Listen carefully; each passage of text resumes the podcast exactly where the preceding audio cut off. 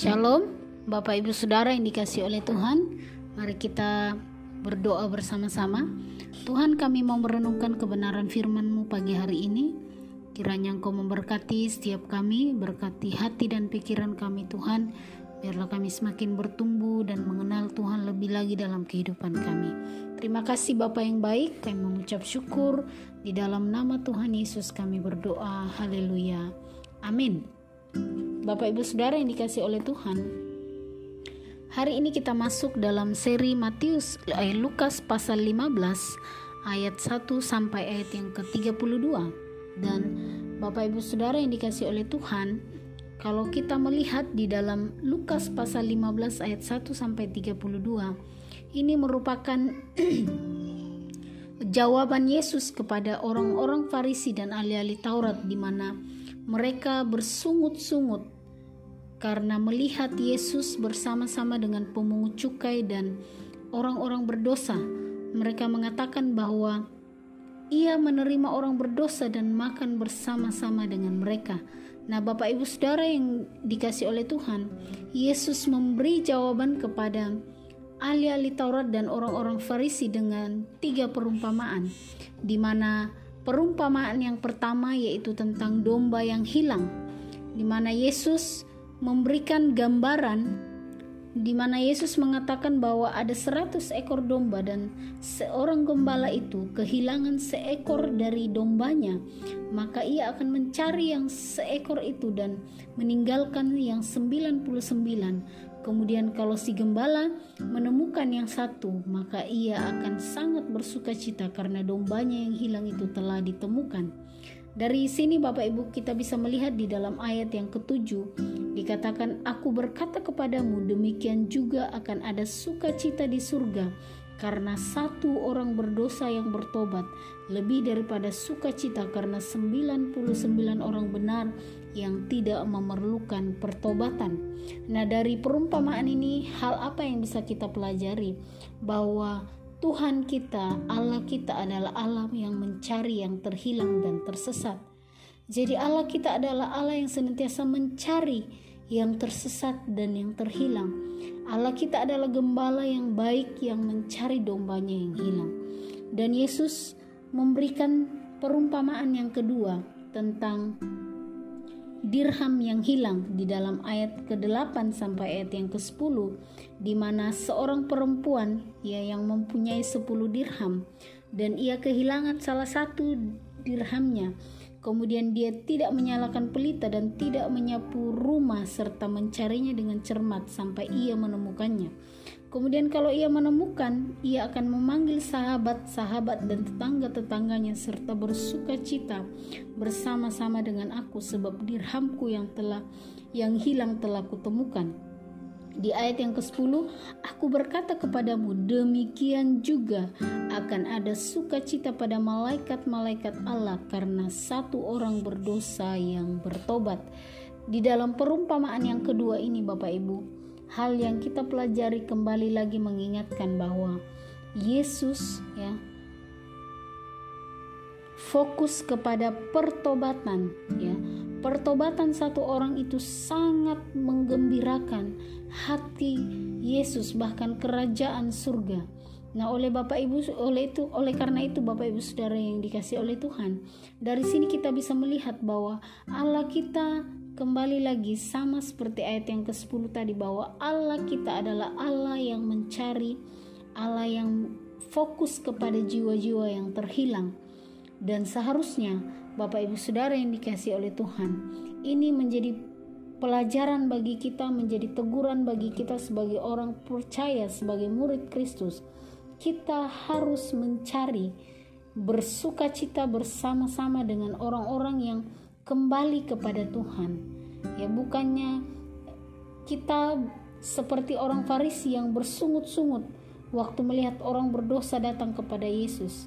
Mereka apa marah karena melihat orang berdosa bersama-sama dengan Yesus. Tetapi seharusnya yang kita lakukan adalah kita bersuka cita dan bahkan kita juga ikut mencari menemukan yang terhilang tersebut dan kita bawa kepada jalan kebenaran.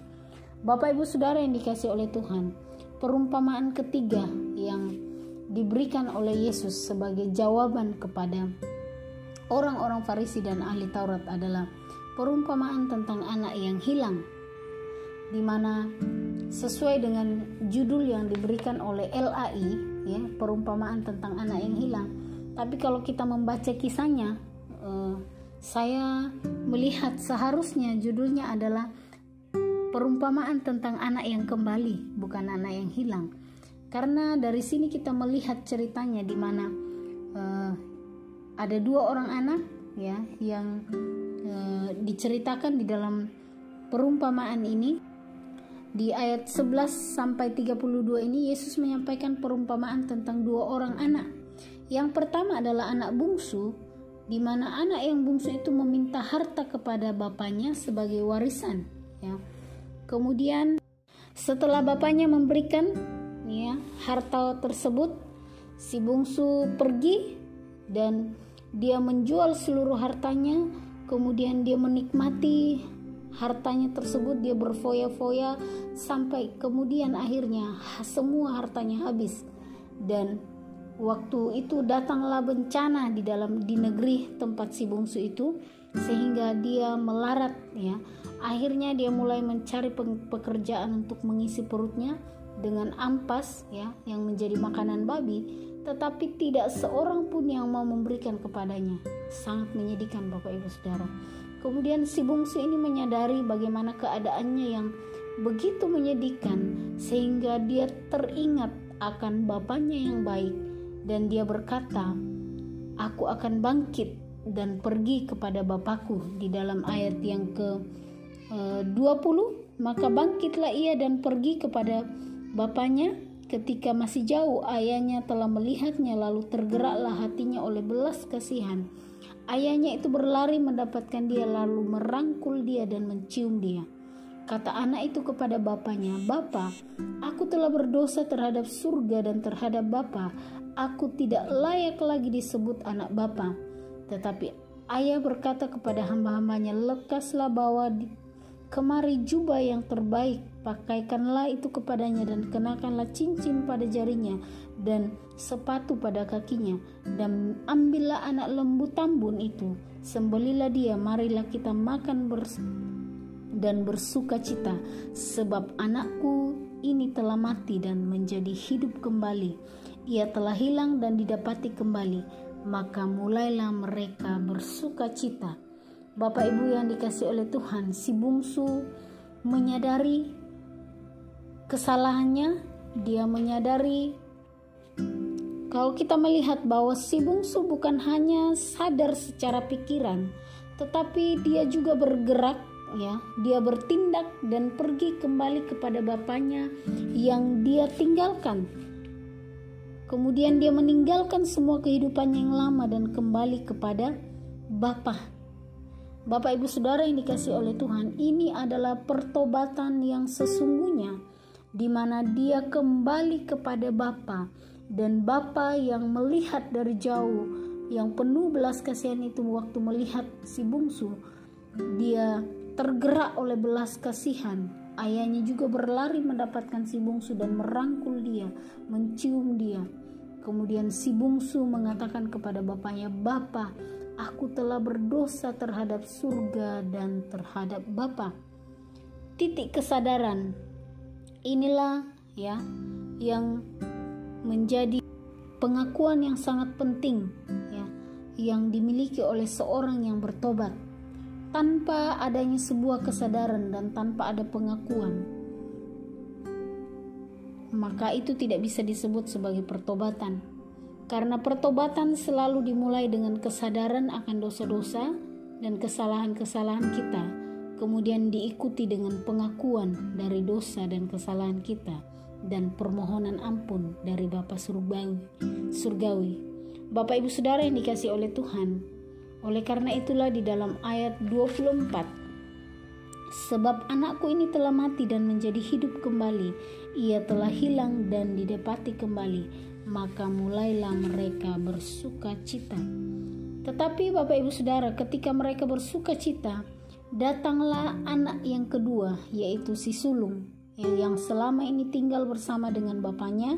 Dia kemudian marah kepada bapaknya oleh karena sikap bapaknya yang menerima kembali si bungsu yang begitu jahat awalnya yang dan kembali bertobat dan ditemukan kemudian marahan si bungsu oleh karena tindakan ayah yang menerima kembali anaknya yang, yang dalam pemikirannya itu adalah tindakan anak yang jahat ini seharusnya tidak diterima lagi. Kemudian ayahnya datang kepada siswa berkata di dalam ayat 31 anakku engkau selalu bersama-sama dengan aku dan segala kepunyaanku adalah kepunyaanmu kita patut bersuka cita dan bergembira karena adikmu telah mati dan menjadi hidup kembali. Ia telah hilang dan didapati kembali. Bapak Ibu Saudara yang dikasih oleh Tuhan, dari perumpamaan tentang anak bungsu yang kembali ini, kita melihat ada kasih Allah yang begitu besar terhadap orang-orang yang terhilang dan tersesat. Namun banyak sekali orang Kristen sama seperti orang Farisi yang digambarkan di dalam bagian ini, seperti anak sulung. Ya. Anak sulung yang benci ketika orang-orang berdosa itu kembali. Anak sulung yang benci ketika orang yang terhilang itu ditemukan kembali. Bapak Ibu Saudara yang dikasih oleh Tuhan, dari Lukas pasal 15 ini kita bisa belajar bahwa ada perumpamaan tentang domba yang hilang, perumpamaan tentang dirham yang hilang, dan perumpamaan tentang anak yang hilang. Semua itu berbicara mengenai Allah yang mencari yang terhilang. Dan seharusnya tugas kita juga sebagai orang percaya, kita adalah harus mencari yang terhilang, bukan bersungut-sungut dan tidak bersuka cita, ketika orang yang berdosa dan terhilang itu kembali kepada Tuhan. Seharusnya kita justru bersyukur, kita bersuka cita dan bergembira waktu kita melihat orang-orang berdosa dan orang-orang terhilang itu bisa kembali kepada Tuhan. Oleh karena itu Bapak Ibu Saudara, mari kita mulai saat ini. Mari kita bekerja sama dengan Allah, kita bekerja sama dengan Tuhan untuk mencari dan menemukan serta membawa kembali orang-orang yang terhilang kepada Tuhan. Ini menjadi tugas kita bersama, tanggung jawab kita bersama. Mari kita bersuka cita bersama-sama dan kita melakukan tugas kita bersama-sama. Kiranya Tuhan Yesus memberkati kita. Shalom.